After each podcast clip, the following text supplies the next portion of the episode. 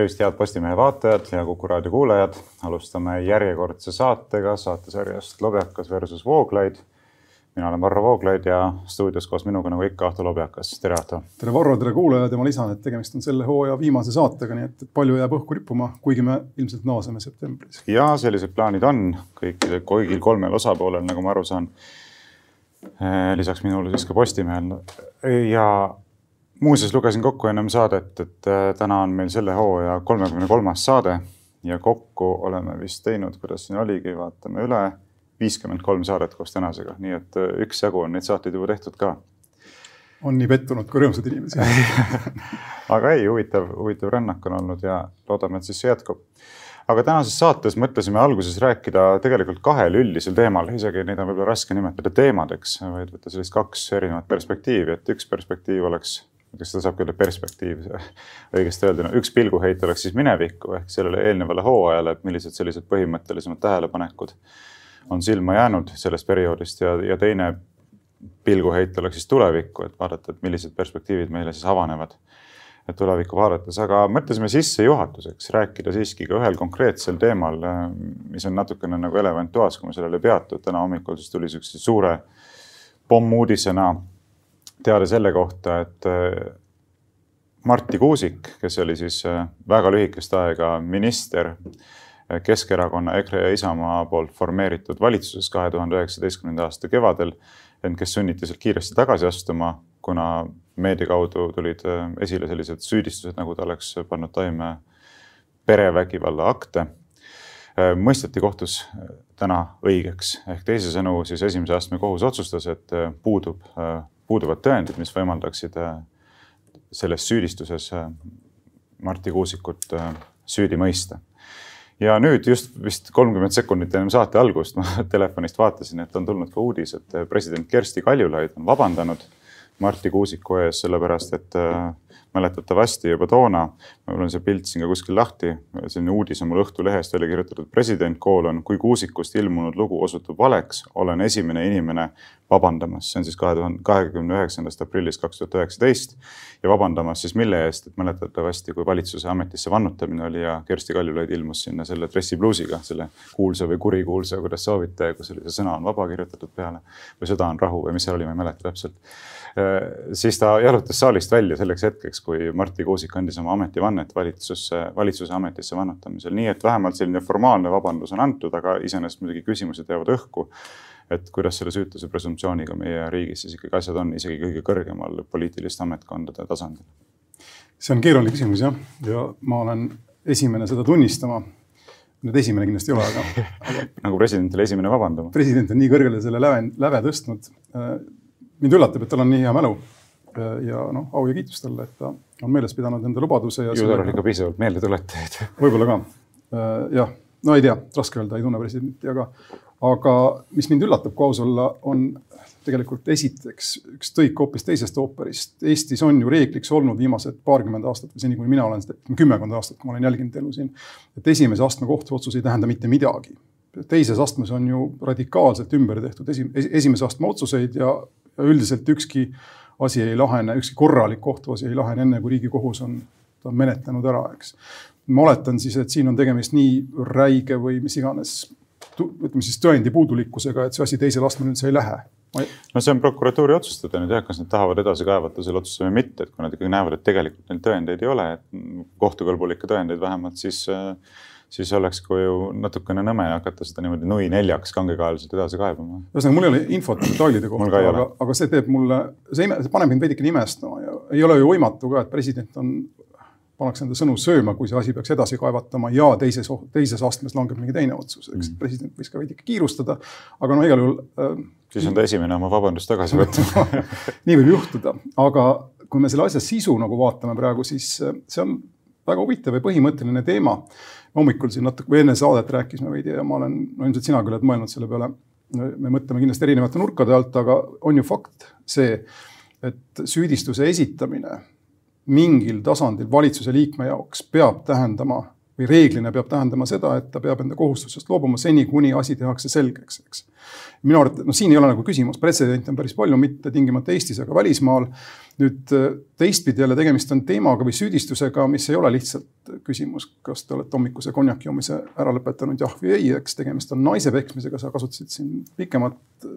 mingi perevägivald. akt jah ütleme niimoodi, et kui me otse ütleme, siis seda. perevägivalla raames ei pea ju tingimata olema tegemist ka naisepeksuga. ma hästi ei usu, et näiteks mittefüüsiline vägivald läheks meil täna arvesse. ühesõnaga, mida ma öelda tahan, on see, et äh, siin on ilmselgelt vastamisi kaks jõudu ja neid jõude ei ole kumbagi võimalik äh, ära kaotada sellelt lavalt. üks on seaduse jõud, mida me siis täna nägime, kohtuotsus ja nii edasi.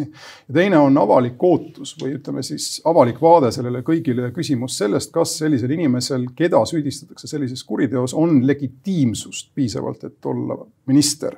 ma tean, et see ei ole täppisteadus, aga ma usun, et sa oled nõus sellega, et kui, et noh, ettekujutatavad on olukorrad, kus seaduse silmis inimene on puhas, aga kahtlustus on selline, et mitte mingil juhul rahvas või ütleme, avalikkus ei nõustuks sellise inimese jäämisega valitsusse. ja siin see argument tavaliselt ongi läänes, et, et, et valitsuse, isegi Eestis, ma olen seda kuulnud, eks, et valitsuse töörahu äh, saavutamiseks või säilitamiseks on vajalik, et sellised inimesed astuvad tagasi ja lasevad siis seadusel käia oma kulu läbi. ja see ei tähenda tingimata süü tunnistamist ja noh, mina jääksin selle mõtte juurde, et antud juhul on asjad, oleksid asjad õiged ja, ja, ja mulle, mulle meeldiks see, kui Eestis oleks see sensitiivsus just perevägivalla suhtes kõrge, arvestades, kui palju meil on seda, kui palju naisi Eestis on kannatanud perevägivalla all ja ausalt öeldes ma tahaksin, mis on eesti keeles võib-olla, ma tahaksin välja naerda veel kord selle mõtte, et on olemas ka perevägivald, mille all kannatavad mehed. no kindlasti on ja ma ei taha öelda, et selliseid ohvreid ei oleks, aga see ei ole võrreldavgi sellega, mida Eestis on, noh, kannatavad perevägi, vägivalla all naised ja, ja üldiselt ka Põhjamaades see on laiem fenomen. ma arvan, et meil on siin mingi postsovetlik äh, kiht siin veel peal, aga sellega tuleb tegeleda ja Marti Kuusikul oli lihtsalt ebaõnn olla süüdistatud millestki, mille suhtes avalikkus on täna väga tähelepanelik ja väga tundlik. No ja siin on nüüd jällegi mitu asja, millest võiks rääkida, aga esiteks remargi korras olgu öeldud, et võib-olla ei peakski rääkima ainult perevägivallast, peaks rääkima lähisuhtevägivallast. Ja muuseas, kui me räägime lähisuhtevägivallast, siis on fakt ka see, et nendes homoseksuaalide vahelistes suhetes on lähisuhtevägivald kordades levinum kui äh, Äh, naise ja mehe vahelistes suhetes. kust see fakt tuleb, ma, mina sellest. ma võin sulle viiteid saata, kui tahad, sellest muidugi ei ole poliitiliselt korrektne rääkida, aga see paraku reaalselt on. ei, kui ta on, siis ta on, ma kujutan ette, et on mingid uuringud. ja ta on levinum ka naiste vahelistes suhetes muuseas. ei, ei vabandust, seda, seda mitte, mehe ja naise vahelistes suhetes on levinum kui naiste omavahelistes suhetes, aga meeste vahelistes suhetes on levinum kui mehe ja naise vahelistes suhetes, see on, see on fakt. ma võin seda. ma ei julge siin. ma võin kinnitada seda aga, aga see ei ole iseenesest nii väga oluline. aga ma ei naeruvääristaks muuseas ka seda ideed, et on ka naiste poolt väga palju sellist vägivalda meeste suhtes lähisuhetes. aga see ei ole piisav, et tekitada seda what's about you case kaasust. ei, seda ma üritangi öelda. siin ei ole poti ja paja suhe, aga, aga naeruvääristama seda ka ei pea, ma arvan. tihti tahan... on ka sellist psühholoogilist vägivalda, eks ole, näiteks see, et noh, mis. mis ta iriseb, eks, enne kui ma teda löön. ei, mitte, mitte seda, aga no näiteks ma ei tea, kõikvõimalikud noh noh, on ju olnud ka meedias igasuguseid lugusid sellest, kuidas ma ei tea, mees käib Soomes tööl ja millega naine siin samal ajal tegeleb, eks ole, kui palju tal mehi käib kodunt läbi ja kuidas. see on vägivald, see on psühholoogiline. irvitab, no aga ei ole või? ei, teatud mõttes küll, aga. et okay, sina toida perekonda, eks ole, pea mind üleval ja lapsi üleval ja mina tegelen siin samal ajal hooramisega. okei okay,, las ma natukene, hooramisi, las ma natukene täpsustan nende mõtet, kus ma ta selle, kust ma välja tahan naerda selle mõtte, on sellest poti ja paja nagu suhtest, eks, et noh, mõlemad on siis ütleme, mõlemad sood on võrdselt süüdi või kuidagi võrreldavalt süüdi. ikkagi, kui sa oled, sina oled ju see inimene, kes ütleb, et bioloogiliselt on meil kaks sugu ja, ja neil on mõlemad, mõlemal kindlad omadused, eks üks on, andke andeks, pottide taga ja nõrgem ja teine on. sellega ma ei nõustu. aga järsku sa ei ole nagu sellega nõus, aga sellest samast argumentist peaks tulenema see fakt, et mees on alati tugevam ja naine on alati nõrgem ja nõrgem vajab alati kaitset üldjuhul on mees tugevam, üldjuhul on naine nõrgem ja selles on sul loomulikult õigus, et füüsilist vägivalda vaadates on see levinum nii sellisel viisil, et mehed panevad toime vägivalda naiste suhtes, selles pole mingit kahtlust, see on selge. aga mis on üks põhimõttelisem asi muidugi, võib-olla, võib-olla ei ole ka, et sõltub vaatepunktist, aga kui me räägime sellest Kuusiku juhtumist, siis muidugi peaks mõtlema selle peale, et võib-olla oleks uuesti tarvis mõtestada seda süütuse presumptsiooni meil ühiskonnas ja ka meedias. et just ennem saadet sa osutasid ju teisele kaasusele ka, et siin hiljuti Riigikohus ei võtnud menetlusse seda Aivar Mäe asja, kus ka inimene on töökohast ilma, kohtus ei leia tõendamist, et ta oleks mingisuguse kuriteo toime pannud. ja noh, meedia on nagu jubedalt seda tolmu üles keerutanud, süüdistanud, levitanud, kloppinud üles skandaali, mille tõttu inimene ongi sellega töökoha kaotanud. ja nüüd nagu justkui nagu laiutatakse käsi, öeldakse, et noh, kahju küll ja kurb, et nii juhtus ja, ja noh, Kuusikuga on ju sama asi, mees oleks võinud olla minister, eks ole, aastaid ja, ja oota, nüüd ma jõuan ühe asja juurde. sinu poolt ennem räägitu, räägitu juures, et on ka tegelikult erinevus, millisel juhul inimene peaks tagasi astuma ennem kui on olemas süüdimõistev kohtuotsus või mitte, et no näiteks kui me vaatame neid Tallinna Sadama, mis on need juhatuse liikmed vist jah ja. siis on ju olukord selline, et, et sa võid sellel ametikohal jätkates esiteks neid kuri, seda kuritegevust jätkata ja teiseks sa võid seal äh, ligi pääsedes ka kõikvõimalikele dokumentidele tegeleda tõendite hävitamisega, eks. et siin on nagu küll koht, eks ole, et hea küll, süüdimõistvat kohtuotsust ei ole, aga me saame aru, et miks see ei ole nagu vastuvõetav, et inimene praegu uurimise ajal selle ametikohal jätkab, eks. aga näiteks Kuusiku juhtumi puhul või Mäe juhtumi puhul nagu ma ei näe nagu neid asju, et äh, kuidas see nii peaks olema mina tõmbaksin ikkagi vahe, äh, vahele, põhimõttelise vahe Kuusiku ja Mäe vahel. Kuusik ahistas või tähendab, ei ahistanud nüüd, eks kohtuotsuse põhjal enda abikaasat, partnerluse liiget, ühesõnaga inimest, kellega ta koos elab. Mäe ahistas inimesi või ei ahistanud inimesi, eks.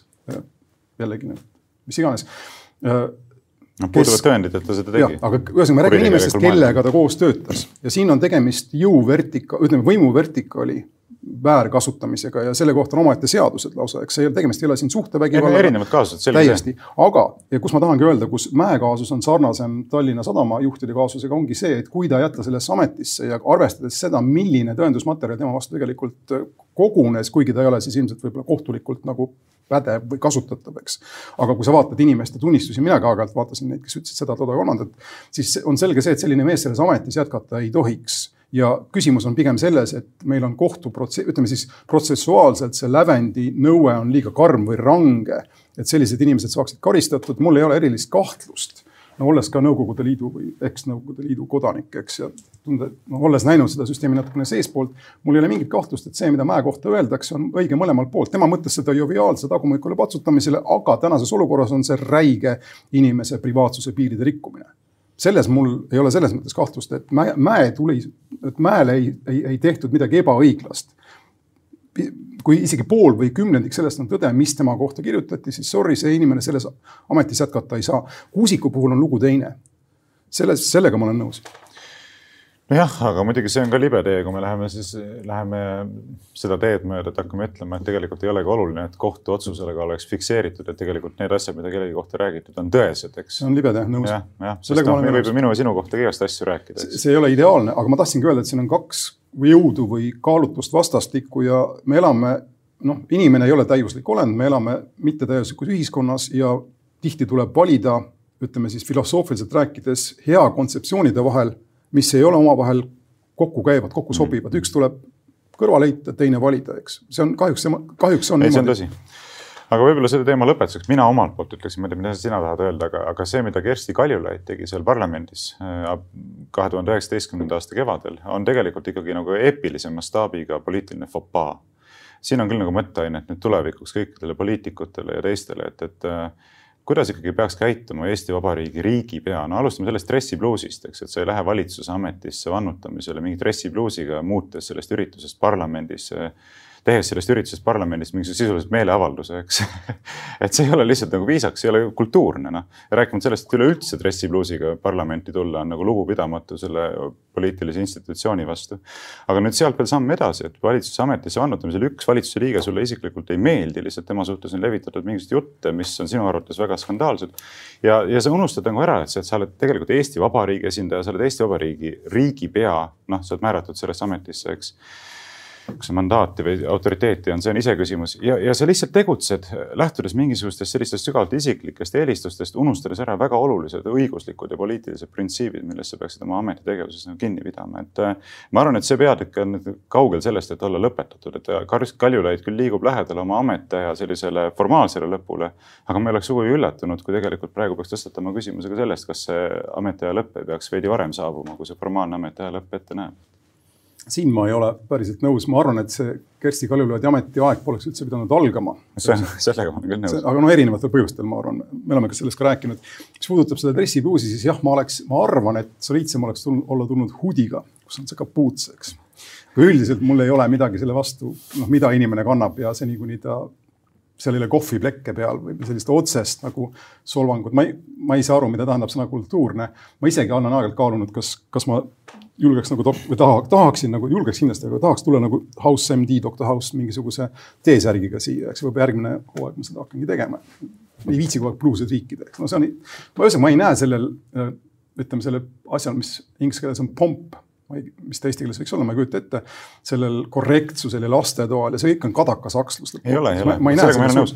vaata seesama, mis sa ütlesid, ma ei viitsi bluusid riikida, eks ole, tegelikult see ju näitab seda, et kui palju sa oled valmis pingutama selle nimel, et kellegi teise suhtes mingit respekti näidata. ma tahan olla roheline. ma lähen parlamenti, siis ma panen pintsaku ja lipsu sellepärast, et ma avaldan lugupidamist parlamendile kui institutsioonile. mingisuguse ristirüütlitelt päritud kombega, eks, mis on, miks iraanlased ei kanna lipsu puhtalt sellepärast, et tegemist on sisuliselt äh, ristisõitjate mingisuguse akrut, mis ta on eesti keeles siis, no mingi, vabandust, tilbendusega nende. ei no pane sa selga, mida sa soovid, aga peaasi, et sa nagu väljendad lugupidamist, eks kui sa ütled, et ma ei viitsi, eks ole, siis on selge see, et ma ei pea sind selle vääriliseks, et natukene pingutada. ei, ma võin ka argument, argumendi püsti panna ja öelda, eks, et ma ei taha kulutada elektrit selleks. noh, no see on juba üllam see on üllam aga ma ei näe nagu Vaata, ma, ma, maa tuleb päästa. vaata kunagi oli, oli niimoodi, et mina poleks pääsenud siia saatesse, kui, mul pole lipsu ees, nagu sul on alati lips ees, eks. ja veel varem ma kujutan ette lips ja siis ütleme alumine vest ja. varsti tuleb aeg, kus mina ei pääse siia, sest mul on lips. täpselt, aga asjad muutuvad ja see muutus, no siin ongi meie suurim erinevus tõenäoliselt, eks mina seda muutust kas ma just tervitan, aga ma aktsepteerin teda ja noh, minu arvates see on teisene, mida inimene kannab, tulles tagasi nüüd selle juurde, mida president tegi või tegi.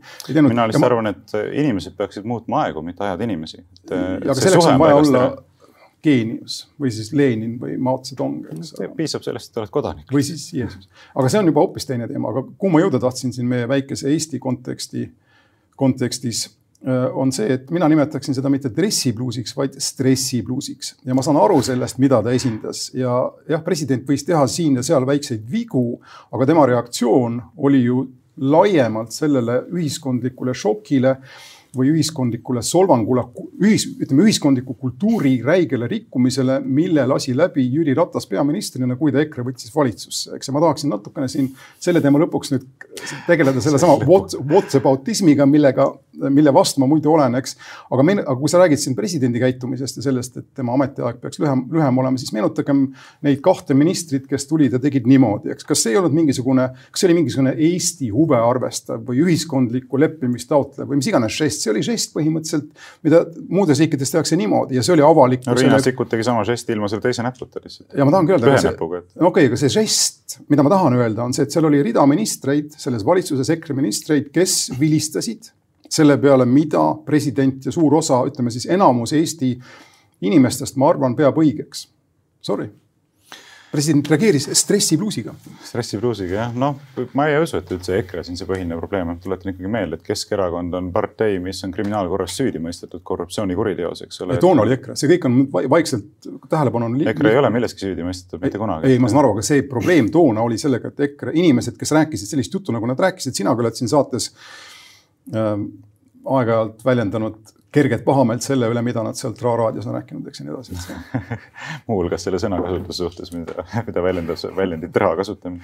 aga ei, muidugi mina iseenesest ei poolda sellist provokatiivset stiili, aga noh, eks ongi erinevad poliitilised stiilid ja ma ei näe nagu selles nagu nii ületamatult suurt probleemi. ma näen palju suuremat probleemi sellest, millise karnevali meedia korraldas kaks aastat tagasi kevadel ja mille osaks oli ka tegelikult see Marti Kuusiku skandaali üleskeerutamine selle vastu, et EKRE valitsusse võetakse, et kui Aktuaalses Kaameras loeti ette neid kirju peaministrile, see oli selge ülereageerimine.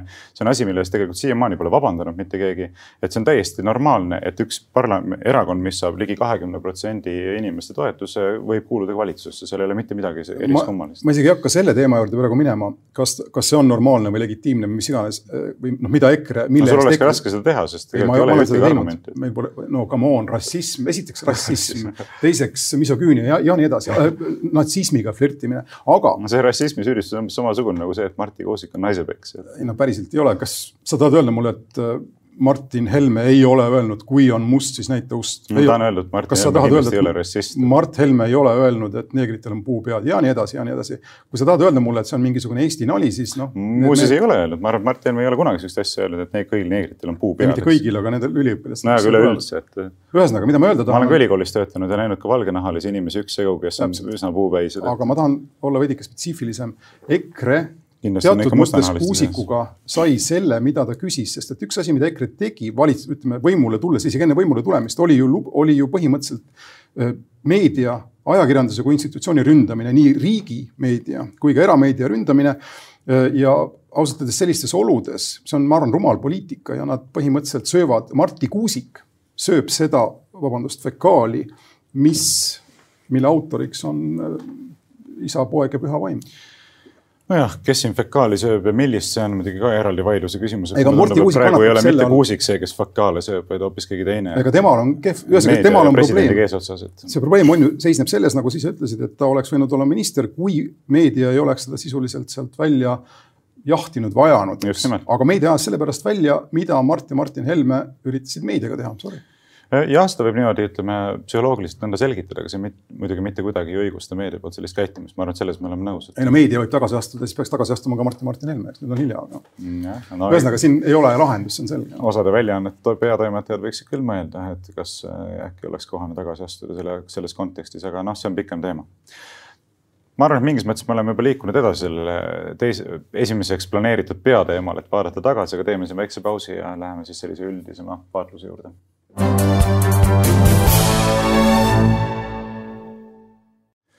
et siis äh, tagasivaade möödunud hooajale, et äh, võib-olla pakume sulle võimaluse omalt poolt äh, ots lahti teha. et mida sa siis äh, selliste peamiste tähelepanekutena esile tooksid, vaadates tagasi sellele, mis ta nüüd on, üheksale kuule, äh, mis me oleme seda saadet sel hooajal teinud? no jah, mina muidugi tahaksin. üllatus üllatuseks jah, aga mina muidugi tahaksin minna kohe suure pildi juurde ja õnneks on see suur pilt väikese pildi poolt ka õigustatud. Reformierakond naases valitsusse ja jätkus see, mul ei ole sellele tantsule mingit head nime, kindlasti, kes tunnevad rahvakultuuri paremini, oskavad öelda, mis on selline tants, kus alati on üks väljas ja teine sees ja selline, mis käib, ütleme ümber ühe jõu sisuliselt ja Reformierakond on selleks jõuks olnud kakskümmend aastat ja meeldib see meile, meeldib see neile või mitte, on tegemist stagnatsiooniga laiemas mõttes Eesti poliitilises elus. ei ole erakonda, kes suudaks sellesse poliitilisse stiili, mida Reformierakond on harrastanud ja mida on harrastanud Keskerakond ja ka EKRE, kõik need sisuliselt sama stiili, eks. ja selleks stiiliks on siis, ei ole erakonda, kes seda stiili suudaks korrigeerida, selleks stiiliks on põhimõtteliselt poliitika nägemine poliitika tegijate poolt hoiupõrsana mida noh, milles on mingi piiratud hulk raha, võimalusi ja nii edasi, milleni kõik üritavad võimalikult kiiresti jõuda üle üksteise ronides. Ja mis ohvriks langeb, meil on siin, on, on riik ja ühiskond. Ja ma lihtsalt toon näite kaugest minevikust, kui Reformierakonnal oli kombeks enne praktiliselt kõiki valimisi üks kuu enne, kui valimised toimusid, öelda aga Venemaa. Ja kõik muu debatt kukkus kokku, eks, ja, ja ma ei näe, et see oleks muutunud, ma lootsin Reformierakonnast midagi muud, aga me näeme sedasama mõttetut tuima kärpepoliitikat, mida inimesed endale ka päriselt seletada ei suuda, miks see asi peaks niimoodi edasi minema, me näeme sama tuima venekeelse kodanikkonna, venekeelse elanikkonna, ma ei ütleks, et allasurumist, aga lihtsalt kõrvaletõukamist, nende kohtlemist mitte kui inimeste või subjektidena. me näeme seda, kuidas, mida me näinud oleme viimase üheksa või ütleme, kolme või nelja aasta jooksul, on see, et Keskerakonnast, varem oli Keskerakond nagu see teine poolus ja nüüd on selleks saamas EKRE. ja noh, see on liikumine vihma käest räästa alla selles mõttes, et ei ole ju sellist varianti, et protest saaks olla parem kui selle vastu, see, mille vastu protestitakse. ma tean, see kõlab absurdselt, aga küsimus on selles, et protest on alati sisult, ei saa midagi muud olla kui populistlik liikumine. Enda põhimises peab ta olema populistlik liikumine, apelleerima võimalikult paljude võimalikult madalatele tunnetele, seda EKRE on teinud ja see ei ole ka tee edasi. Ja mul lihtsalt on ma olen kurb, kui nii tohib öelda noh, eks see on selle niinimetatud demokraatliku süsteemi üks selliseid traagikaid ju, et äh, peab äh, edu saavutamiseks äh, apelleerima mingisugusele madalamale ühisnimetajale, sellepärast et edu saavutamise eelduseks on ikkagi kvantitatiivne kriteerium, eks. sa pead saama lõppastmesse, lõppastmes saab võimule see, kes saab rohkem hääli, mitte see, kes seisab õigemate põhimõtete eest, kes teeb seda väärikamalt ja ausamalt ja nii edasi. ja eks baasloogika ikkagi defineerib selle poliitilise välja ja selle toimimise sellise reaalsusena. Et lihtsalt nii on, eks, et kui sa tahad äh, võimalikult palju hääli saada, siis sa pead apelleerima mingisugustele nimetajatele, mida jagab võimalikult suur osa sellest auditooriumist. Ja minu meelest siin ilmneb ka üks selliseid väga tõsiseid probleeme, mida me näeme praegusel ajal poliitikul, poliitilisel maastikul. Ja selleks on see, mida sa osaliselt ka puudutasid, seda küll otseselt nagu nimetamata, et paljuski poliitika on taandunud ju tegelikult äh, materiaalsete ressursside enda kätte krabamiseks ja ümberjagamise äh, selliseks tehnikaks või valdkonnaks, eks. ma olen mõnikord mõelnud, et kui palju ilusam võiks poliitika olla ainuüksi siis, kui me jõuaksime mingisuguse ühiskondliku kokkuleppeni, et teeme nii, et poliitikas me ei tegele ühiskondliku rikkuse ümberjagamisega lihtsalt see, see ei ole asi, parteide lubadused enne valimisi ei saa seda puudutada, kui palju kelleltki võetakse ära ja kui palju kellelegi antakse midagi, eks. sest sisuliselt taandub sellisel viisil ju äh, igasugune valimisvõitluse poliitika tegelikult häälte ostmiseks, eks. et kes lubab rohkem, kes lubab rohkem, ja kui usutavalt sa suudad seda lubada, eks. mina luban sulle selliseid hüvesid ja ma pean seda lubama piisavalt usutavalt, et sa annaksid oma hääle mulle, eks. ja nüüd pärast valimisi ma pean siis vaatama, kuidas ma saan seda lubadust ka võimalikult palju täita. sellel ei pruugi üldse mitte midagi olla pistmist sellega, mis on õiglane, mis on hea, mis on vaba ühiskonna ideaaliga kooskõlas, mis on meie riigile hea, mis on rahvale hea. Äh, lihtsalt minu võimupositsiooni säilitamise huvides on see, et ma suudaksin kelleltki ära võtta ja sinule anda, sest vastasel juhul edaspidi mulle oma häält ei anna. kas sa põhimõtteliselt ei usu sellisesse asja nagu maksusüsteemi? Äh, noh, põhimõtteliselt usun, aga maksusüsteem ei peaks olema suunatud sellele, et ühiskondlikku rikkust ümber jagada, see peaks olema suunatud sellele, et oleksid olemas avalikul võimul mingisugused rahalised vahendid, millega täita avalikule võimule omasid ülesandeid. Ja ma arvan, et rikkuse ümberjagamine ei ole avaliku võimu loomupärane ülesanne. aga sa ei arva, et on olemas selline baastasand, milleta pole ühiskonda ega riiki ja see baastasand eeldab seda, et meil ei ole inimesi, kes elavad tänaval, meil ei ole inimesi kes ei saa üldse mingisugust adekvaatset, ütleme, tervishoidu ja nii edasi. ma nagu oleks eeldanud, et konservatiivi puhul sa seda tunnetad eriti teravalt. et riik ei saa ju püsida niimoodi, kui sul ei ole tagatud kõikide inimene, inimeste mingisugune baasturvalisus ja heaolu. ja selleks tuleb ära võtta kelleltki raha. okei okay,, siin on nüüd kaks võimalikku vastust, üks on see, et eh, jah või ei, eks et äh, on või ei ole, see on ka vaieldav, muuseas, kas see on üleüldse riigi funktsioon tagada mingit sotsiaalhoolekannet. see on vägagi vaieldav tegelikult, me oleme sellise sotsialistliku riigikäsitluse omaks võtnud ja lähtunud eeldusest, et see nii on. aga kui me isegi selle kõrvale jätame, siis võib küsida, et hea küll, on, aga mil määral, eks et näiteks. täpselt, aga see vaidlus ongi poliitika ideaalis. Äh, ja, aga ütleme, minu meelest see piir on väga pikalt ületatud, näiteks ütleme nii, et äh, peaks olema tagatud mingid vaeste majad, et keegi ei jääks päris tänavale, eks niimoodi, see on nagu baastasand. Ja ütleme, kui me räägime neist tervishoiust, siis see on äh, riiklikult tagatud näiteks lastele, kes ei saa oma vabadust kasutada vastutustundlikult sellisel viisil, et ise oma tervise eest hoolitseda ja olla võimeline ka ise vastutust kandma oma tervise eest, eks aga ülejäänud ühiskonnale ma ei ole üldse kindel, et see peaks olema tagatud, et igaüks peab ise tagama selle eest, et ta äh, saaks oma tervisega hakkama, kui tal tekivad terviseprobleemid, siis ta suudaks selle, sellega ka hakkama saada, ehk siis peab olema perekond, see struktuur, mis teda aitab, kui ta ise hakkama ei saa. kui perekond ei suuda, siis on see kogukond, eks ole. inimesed on, koonduvad mingitesse seltsidesse, on need kindlustusseltsid või muud sellised asjad sama asi näiteks mingi töötu abirahadega, eks, et kas see on normaalne olukord tegelikult, et riik maksab kõigile mingeid töötu abirahasid, aga näiteks täiskasvanud mehele nagu mina või sina, elujõus, terve, eks. et kas see on ka normaalne kultuuriliselt, et täiskasvanud inimesed eeldavad, et ma olen täiskasvanud inimene, ma olen terve, ma suudan tööd teha, aga ei, ma lähen hakkan võtma töötu abirahasid vastu, eks ja, ja nüüd ja kõik see süsteem tegelikult soosib seda, et eks järgmiseks valimiste eel on siis mingisugused parteid platsis, kes ütlevad, ei, meie tahaksime rohkem lubada neid hüvesid ja veel rohkem lubada neid hüvesid ja veel rohkem. ja lõpuks taandubki poliitika selliseks ülepakkumiseks, mis viib meid sellesse olukorda, noh, mida sa kirjeldasid oma sõnavõtu alguses, et äh, siin ei olegi ideaalidega mitte midagi pistmist, lihtsalt äh, häälte ostmine ja võimul püsimine. minu muidugi motiiv või lähtekoht on hoopis teine, mina eeldan seda, et võim rikub inimese ja absoluutne võim rikub teda absoluutselt. Ja noh, mul on poliit-, poliitika suhtes ja poliitikute suhtes äärmiselt küüniline nägemus, aga selle osas, mida sina praegu siin või millest sina räägid, siis no mulle tundub, et sa, sa A, sa ei tunnista või sa ei tundu tunnistavat võimalust, et sind võib tabada midagi, mida sa praegu ette ei kujuta, aga mis teeb sinust töövõimetu niimoodi, et riik sulle praktiliselt, ka tänane riik sulle praktiliselt midagi ei maksaks ja ometi on sul vaja hoolitseda pere eest, maksta laene ja nii edasi. ja sa nagu noh, tundud selles mõttes mängivad Vene ruletti ja ma ei arva, et see on vastutustundlik. mina ei ole sinu üle kohtumõistja loomulikult, aga mulle tundub, et niimoodi me sellises ühiskonnas ütleme tänases, täna sellises ühiskonnas me enam elada ei oska, võib-olla viissada aastat tagasi seal äh, Zwingli ja ma ei tea, reformatsiooni isadega sa oleksid istunud kenasti ühe laua taga ja see, see, mis sa räägid, meenutab mulle teatud mõttes äh, just reaktsiooni katoliiklusele sellest perioodist, eks, kus inimese enda vastutus ja inimese enda side Jumalaga ja kõik muu muutus tähtsaks. aga ma ei arva, et see on realistlik viis ühiskonda juhtida ja teine küsimus, mis sai kohe praegu siin vastuse, kui ma tohin, on, on, on siis äh,, ei ole mõtet karta, et sa poliitikasse läheksid, ma ei usu, et sa väga, väga palju hääli saaksid selle programmiga. vaeste majad ja, ja mis ta on siis abirahade kaotamine.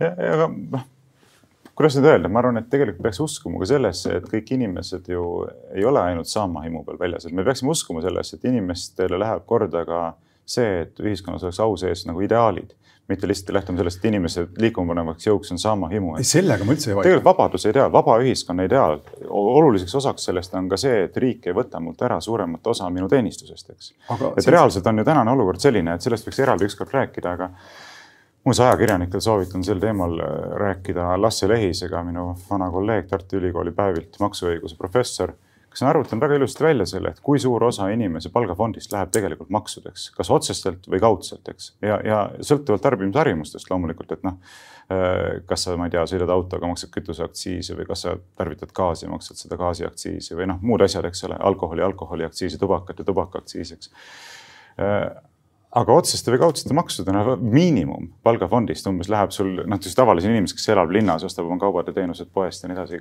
ei kasvata kogu sööki endale ise. ikka kuuskümmend, aga pigem seitsekümmend, seitsekümmend viis, kaheksakümmend protsenti sinu sissetulekust võetakse ära sult otseste või kaudsete maksudena. no me võiksime küsida ja nüüd selle vastu sulle pakutakse siis hoolekannet, eks. et kumb nüüd ühiskondlik formatsioon on tegelikult rohkem väärikas, kas see, et kus sult võetakse ära, ma ei tea, võib-olla kümme protsenti, et tagada riiklikud funktsioonid. no tead, see politsei, riigikaitse baas, noh valitsuse, Riigikogu toimimine. või siis selline, kus sult võetakse ära võib-olla kaheksakümmend protsenti, öeldakse, et no aga kui sa hätta satud, et siis me hakkame sinu eest hoolt kandma. minu meelest see ei ole kooskõlas vaba ja väärika ühiskonna ideaaliga, mis, mille lahutamatuks osaks peaks olema isikliku vastutuse printsiip, eks, ja, ja, ja noh sa ütlesid ennem, et ma ei usu, et me suudame sellise mõtlemise juurde enam naasta, aga miks mitte? mulle tundub jällegi seda, see, et me ei tohi nagu liiga palju hakata aktsioomina käsitlema sellest, mille me oleme omaks võtnud, sest vastasel juhul me noh, kobamegi pimeduses ja ei jõuagi sinna selle, nende ideede juurde, mis tegelikult võiksid olla aluseks vabale ja väärikale ühiskonnale.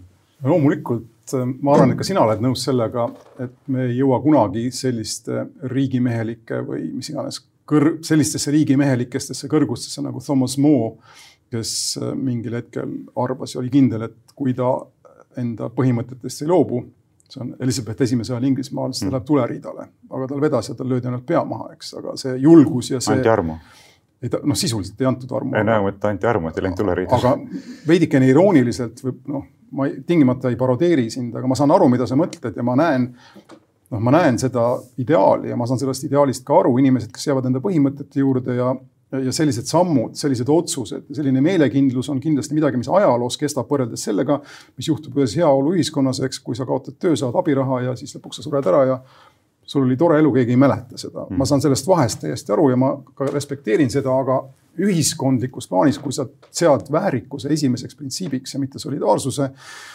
siis varem, noh, varem või hiljem sa pead seda väärikust relvaga kaitsma, eks tekib, me liigume tagasi sinna, mida Thomas Hobbes on kirjeldanud loomuliku äh, ühiskonnana siis või loodusliku ühiskonnana, kus tahame me seda või ei taha, äh, elu on kole, lühike õudne ja veel midagi. jah. ja ma saan sinust, ma ei usu, et sa tegelikult sinna tagasi tahaksid, ükskõik kui väärikas selline elu võiks olla. ah, ma ei arva, et me peaksime tingimata sinna tagasi liikuma, kui me hakkame lähtuma vaba ühiskonna ja isikliku väärikuse printsiipidest, isikliku vastutuse printsiipidest, et äh, vastupidi, et äh, ma tahaksin elada sellises ühiskonnas, kus näiteks oma turvalisuse tagamiseks me ei toetu sellele, et riik meid kaitseb, vaid me oleme kõik relvaomanikud. sina oled relvaomanik, mina olen relvaomanik, mina tean, et sina oled relvaomanik, sina tead, et mina olen relvaomanik ja me teame ka, et siin valitsevad teatavad härrasmehelikud printsiibid, eks, et kui sa nagu ületad mingeid tsiviliseerituse printsiipe. sa kõmmutad lihtsalt maha. siis sul läheb nagu asi hapuks, eks ole no,, ja mina tean sinu suhtes sedasama ja siit tulebki austus, eks ole, ma austan sind, sina austad mind. järgmise hooaja, hooaja me teeme siis põhimõtteliselt tukid laual. aga miks mitte mina ja Ötsi ei arva, et relvi peaks kuidagi häbenema, et see on normaalne osa nagu meheks olemisest, kodanikuks olemisest ja vaba, vaba ühiskonna. aga naiseks olemisest? no vähem, ma arvan, et vähem, vähem kindlasti. väiksemad relvad ei, ma ei arva, et relvad oleks naiste puhul kohatud, kusjuures ma mäletan, kunagi ma nägin sellist T-särki, mida üks naisterahvas kandis, et uh, Mama didn't raise me to be a victim niimoodi, et. isegi mina olen seda näinud. et igati, igati õige printsiip, et. see on ka, see argument on, eks selle toetus. kui lähed õhtul välja, keegi tuleb sind vägistama, siis lased kuuli pähe, ongi kõik. sul, on see hirm? mis? sul on see hirm või? Ei, ma arvan, et see on väga õige käitumine igaüks teab, et äh, isegi naiste puhul sa pead arvestama sellega, et see avantüür no see... võib sulle lõppeda lihtsalt äh, ühe auguga otsa ees. me oleme siin väga galaktilistes kaugustes praegu sellest. jah, sellest, millest me pidime rääkima. mis on ka meie elu reaalsus, sest peale kõige muu ei ole üheksakümmend viis protsenti meist teadlikud, mida nad tegelikult teeksid olukorras, kus neil on relv käes ja tuleks otsustada. eks me kõik võime öelda, et ah, ma teeksin seda või teist, aga see jutt jääb tühjaks. aga eks selle nimel tulebki töötada, kui see olukord reaalselt saabub, siis sa ei kõhkleks ja tegutseksid vastavalt sellele, mis on õige päriselt aga me saame ikkagi rääkida sellest post factum, enne ei ole üldse mõtet rääkida sellest. aga no mingis mõttes on see, noh, me ei lähe, eks ole, sinna praegu, ma arvan, et mingis mõttes on see oluline osa sellest, nendest probleemidest, mida mina vähemalt olen viimase aasta jooksul ka näinud, et kui me vaatame nagu üldisi kultuurilisi suundumusi, tendentse, kultuuri all ma loomulikult ei pea siin silmas teatrit, muusikat, ja kino, vaid ühiskondlikku formatsiooni üldiselt, eks. siis tegelikult me liigume järjest eemale sellisest isikliku vabaduse, isikliku vastutuse printsiibist, eks. ja samamoodi kogu see koroonakriis näitab seda, eks, et, et solidaarsuse printsiip on justkui tõstetud nagu uueks jumalaks ja see oli sellest, sellest printsiibist lähtuvalt, me peame lahti ütlema isiklikust vabadusest, isiklikust vastutusest, noh, põhimõtteliselt kõigest.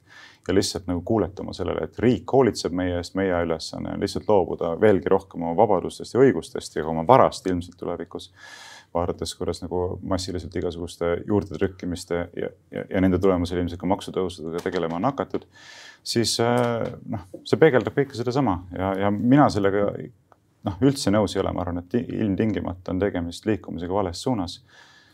ja, millega see kõik päädib, noh, raske öelda, aga kindlasti mitte millegi heaga see juurdetrükkimine, me oleme sellest rääkinud, see on hoopis omaette teema ja ta ei tekkinud koroonaga, oleme ausad, tekkis siin. aga ta on mitmekordistunud. paarteist aastat tagasi ja tegemist on noh, ma arvan, et päris uue ajastuga maailma, ütleme arenenud maailma siis vaates majandusele ja rahale, see on katse siis raha, raha pakkumise reguleerimise teel äh, hoida teatavaid parameetreid paigas, ehk siis äh, kasvu ja inflatsiooni ja nii edasi ja see on keeruline teema, aga mulle tundub, et siin on mingi täielik suur muutus toimunud ja selles mõttes sellel pandeemiaga ei ole, ei ole mingit erilist pistmist. aga on ju tegelikult. pandeemia raha... lihtsalt lisab seda ja. stiimulit, eks veel rohkem raha. hoogustanud seda protsessi nagu isegi mitmekordistanud. jah, aga põhimõtteliselt see algas, aga see algas varem. tal on, tal on teised käiv, käivitajad. aga noh, see on umbes sama kui öelda, et, et, et, et, Ants jõi juba varem õlut, eks ole, et aga nüüd viimase aasta jooksul on hakanud jooma kaheksa pudelit päevas, eks. ja, aga no sa võtad selle viimase häda Antsult ära, ega ta kaineks ei saa või ega ta siis alkoholismi maha ei jäta, sellepärast et üks häda ära kadus, eks need noh, see tõuge on ikkagi sügavam ja, ja varasem, no see selleks. aga tulles tagasi selle sinu jutu nagu no ütleme põhiosa juurde, siin ma sinuga ei vaidle ja pole ka vaielnud siin pikalt viimastes saadetes ja polegi tahtnud vaielda. me Eestis me näeme seda, kuivõrd vähe ja sisuliselt kuivõrd vähe saadakse aru sellest, mida tähendavad põhivabadused, põhiõigused ja kuivõrd vähe ollakse valmis noh, ütleme siis volteerilikult, kuigi Voltaire seda päriselt ise ei leiutanud seda mõtet, aga surema siis teise inimese õiguse eest öelda seda, mis mulle ei meeldi, eks. ja see on ohtlik ühiskonnas, see ikkagi näitab konformismi. teatud mõttes ta jookseb sisse sinna Marti Kuusiku teemasse ja ka nendesse varasemate, varasematesse teemadesse, sest konformism on alati osa sellisest poliitilisest legitiimsusest ja konformismi konformism, konformism on selles mõttes halb osa poliitilisest legitiimsusest, et ta esindab seda, seda osa või seda proportsiooni, mida on võimalik lihtsalt manipuleerida, eks, kas manipuleerivad konservatiivid, manipuleerivad minu pärast liberaalid. see toimimismudel on sarnane ja mis siis juhtub, on see, eks, et arvamuse mass jookseb midagi maha ja pärast vaatab tagasi, okei okay,, et noh, et kas me tõstame mm. püsti või ei tõsta. ja, ja selle, ütleme, mõtteviisi süvenemine Eestis on minu arvates väga ohtlik, ma vaatan Saksamaad, Saksa ajakirjandust lugedes, eks. ükski leht ei naaru, ei naeruväärista mõtet, et eriolukord ei tohi olla igavene. et põhiõigused tuleb taastada, ilma ühiskond ei saa funktsioneerida ja see, mis praegu toimub, noh, on selles mõttes kriitikale avatud, ükskõik kui õigeks me peame vaktsineerimist ja neid meetmeid. midagi peab muutuma, vastasel juhul meie ühiskond, nagu sa ütled, muutub koos sellega ja me, me kaotame midagi olulist, siin ei ole võimalik vaielda.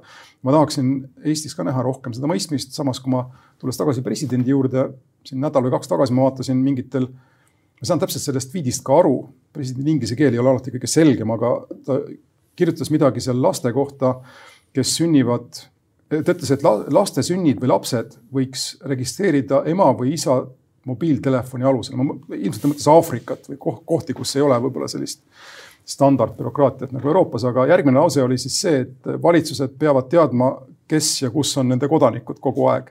No see on ju puhas Orwell. ja seda tweetib Eesti Vabariigi president, saamata aru, mida ta ütleb, ta, ta mõtles seda mingis teises kontekstis, aga sisuliselt ütles ta, et meil peab olema kakskümmend neli seitse jälgimisühiskond, totaalne. ja keegi ei, keegi ei mürista, eks see, see on olukord, kuhu me oleme jõudnud. jah ja..., see on murettekitav, et äh, mulle pikemat aega tundub, et äh, ühiskond hakkab selle mõttega ka ära harjuma, eks. juba mõned aastad tagasi, see oli juba õige mitu aastat tagasi, ma mäletan, kui kirjutasid mingisugused visionäärid, et tegelikult õigus eraelu puutumatusele või õigus privaatsusele ongi juba ajalooline igand, eks et, et sellega, sellest ei ole enam mõtet rääkida, sest see on juba läinud, eks. aga noh, tegelikult sellise mõttega ei tohi harjuda see, see, see on tegelikult kuritegelik, et sihukest mõtet üleüldse juurutada, eks me peaksime hakkama nagu mõtlema sellisel viisil, jah, et sellest me enam ei räägi, see ongi minevik, et siin pole enam midagi teha. meil sihukest asja enam nagu õigus privaatsusele ei olegi. see ei ole kooskõlas, ei ole ühitatav lihtsalt vaba ühiskonna ideaaliga, kui avalik võim teab näiteks kasvõi seda, et kus ma viibin igal ajahetkel, noh, sul ei ole mitte mingit õigust seda teada. samamoodi, mis eile rääkisin ärimehega, kes ütleb, me oleme jõudnud tegelikult näiteks pankade puhul sellise süü presumptsiooni juurde, et kui sulle tehakse ülekanne näiteks kakskümmend tuhat eurot, siis nüüd hakka tõestama kust see raha tuli. nii, ma ütlesin, et see tuli minu äripartnerilt, kellega ma, eks ole, olen sõlminud lepingu, nii palun näidake mulle ette leping niimoodi, kes see äripartner on, kust tema selle raha sai, ühesõnaga. mis asi see selline tegelikult on, eks ühelt poolt meile öeldakse, et meil on vajadus nagu tõkestada rahapesu, teiselt poolt me hakkame käsitlema kõiki inimesi juba süüdi olevana ja nüüd sina hakkama süütust tõendama, eks. ma võin sulle lisada siin paari aasta eest. see on pikem jutt muidugi. sellega mul tuleb meelde, ma lihtsalt aeg-ajalt mulle meeldib seda välja käia uuesti, see oli Swedbankiga, Swedbankaga saatsin saatsin Inglismaale ühe grammofoni osa paranduseks ja see, sellel mehel oli suhteliselt tavaline nimi, mitte päris John Smith, aga midagi sellist ja miski siis nagu tõi selle häire ja tuli mulle kiirelt teada, et seda raha selle töö eest ma talle üle kanda ei saa, enne kui äh, ma tõestan, et ta on olemas. põhimõtteliselt ma pidin talle kirjutama, et millal sa oled sündinud ja saada passikoopia. kujutate, idaeurooplane tellib sul mingi töö ja siis ütleb, et, et ma maksan sulle ainult siis, kui sa ütled mulle enda sünnikuupäeva ja passikoopia. ma, ma ei julgenud talt seda küsida. ma leidsin teise võimaluse maksta, aga aga jah, see on. hakkab absurdi keskma. see, see, kisub absurdi ja selle nimi on muidugi võitlus terrorismiga või terrorismi rahastamisega või mm. mis iganes.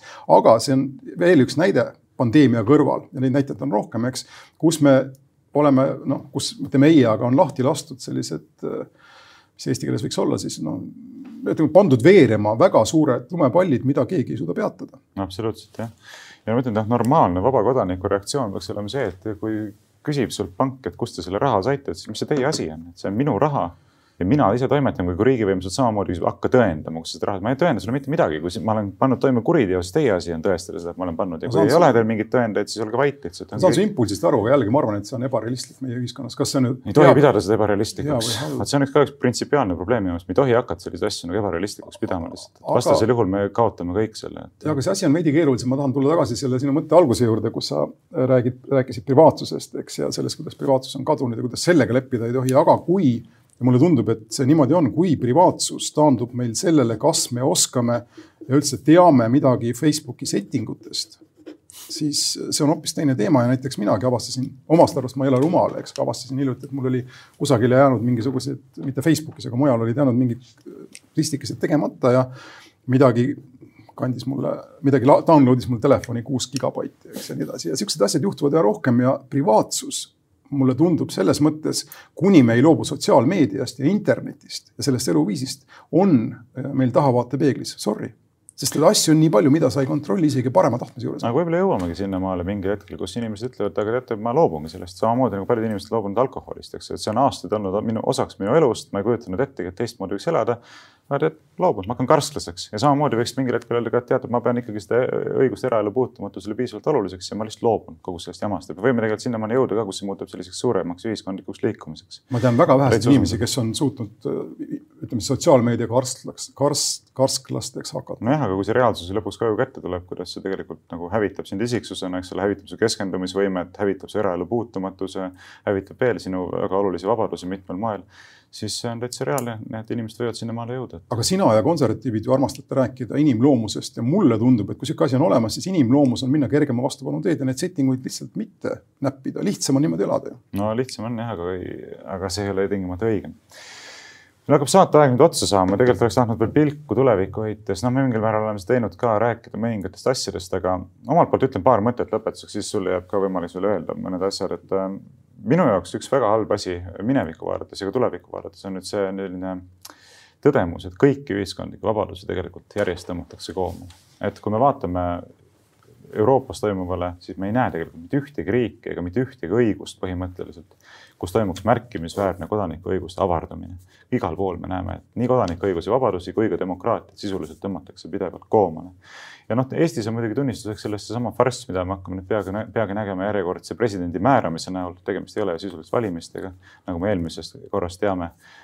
meile lihtsalt määratakse president ja, ja noh ma ütlen, me peaksime tegelikult seisma vastu nii sellele, et püütakse sõnavabadust nüüd maha suruda selle niinimetatud vihakõne kriminaliseerimisega, kui ka sellega, et tegelikult lihtsalt keeldutakse rahvale tagasi andmast elementaarseid demokraatlikke õigusi, mis peaksid normaalsest demokraatia ideaalist lähtuvas riigis rahvale kuuluma. õigus valida endale ise riigipea on isegi Valgevenes, Venemaal, samamoodi teistes naabrites, Soomes, Leedus, eks. mis, on see põhjus, miks Eesti rahval ei võiks olla ise endale õigus valida presidenti ja ma ütlen selles kontekstis ka mina arvan, et üleüldse ausad inimesed peaksid hoiduma sellise väljendi kasutamisest nagu presidendivalimised, et see loob sellist illusiooni, nagu meil oleks siin mingi demokraatlik protsess, mida meil ju tegelikult ei ole. Eestil on ikkagi kombeks ajalooliselt ju neli kuningat. aga sellega läks halvasti. ma haaran korra sõnasabalt, sinu sõnasabast kinni enda viimaseks mõtteks ja mulle meeldib, sa ütlesid ühiskondlikud vabadused, enne kui sa hakkasid rääkima kodanikuvabadustest ja nii edasi. see on ikkagi teatud mõttes tunnistus, et ilma ühiskonnata, ilma mingisuguse baassolidaarsuseta, baaslegitiimsuseta valitsusel ja valitsejatel ühiskond koos ei püsi ja pole ka vabadusi. ma tahan selles mõttes rõhutada realismi, et printsiibid on printsiibid ja kõik on väga hea, ideaalid ja ideaalid. ideaalid on ideaalid, aga ilma toimiva ühiskonnata ei ole meil ka vabadusi. sellega tuleb arvestada. ilma toimiva ühiskonnata, jah muutub see vabaduse teostamine väga keeruliseks, eks, et äh, seda kiputakse sult käest ära võtma nende poolt, kes on tugevamad ja saavad oma vabadust teostada viisil, mille tõttu sinu oma hävineb, eks. alati kahe otsaga mäng. jah ja,, seda küll. aga ilmselt nende mõtetega me peamegi lõpetama mitte ainult selle saate, vaid ka selle hooaja. vaatame siis, mida suvi meile toob. ilmselt see koroona äh, hullumaja, kui lubate niimoodi väljendada, natukene taandub nagu hooajaliste viiruste puhul ikka aga milline seis on sügisel, sellest saame edasi rääkida juba septembrikuus loodetavasti, kui oma saadetega peaksime jätkama. mina ootan suvelt õunu ja tomateid. ja mina loomulikult päikesepaistet soovime siis teile kõigile ilusat suveootust, ilusat suve ja loodetavasti kohtume sügisel. taas, taas kuulmiseni.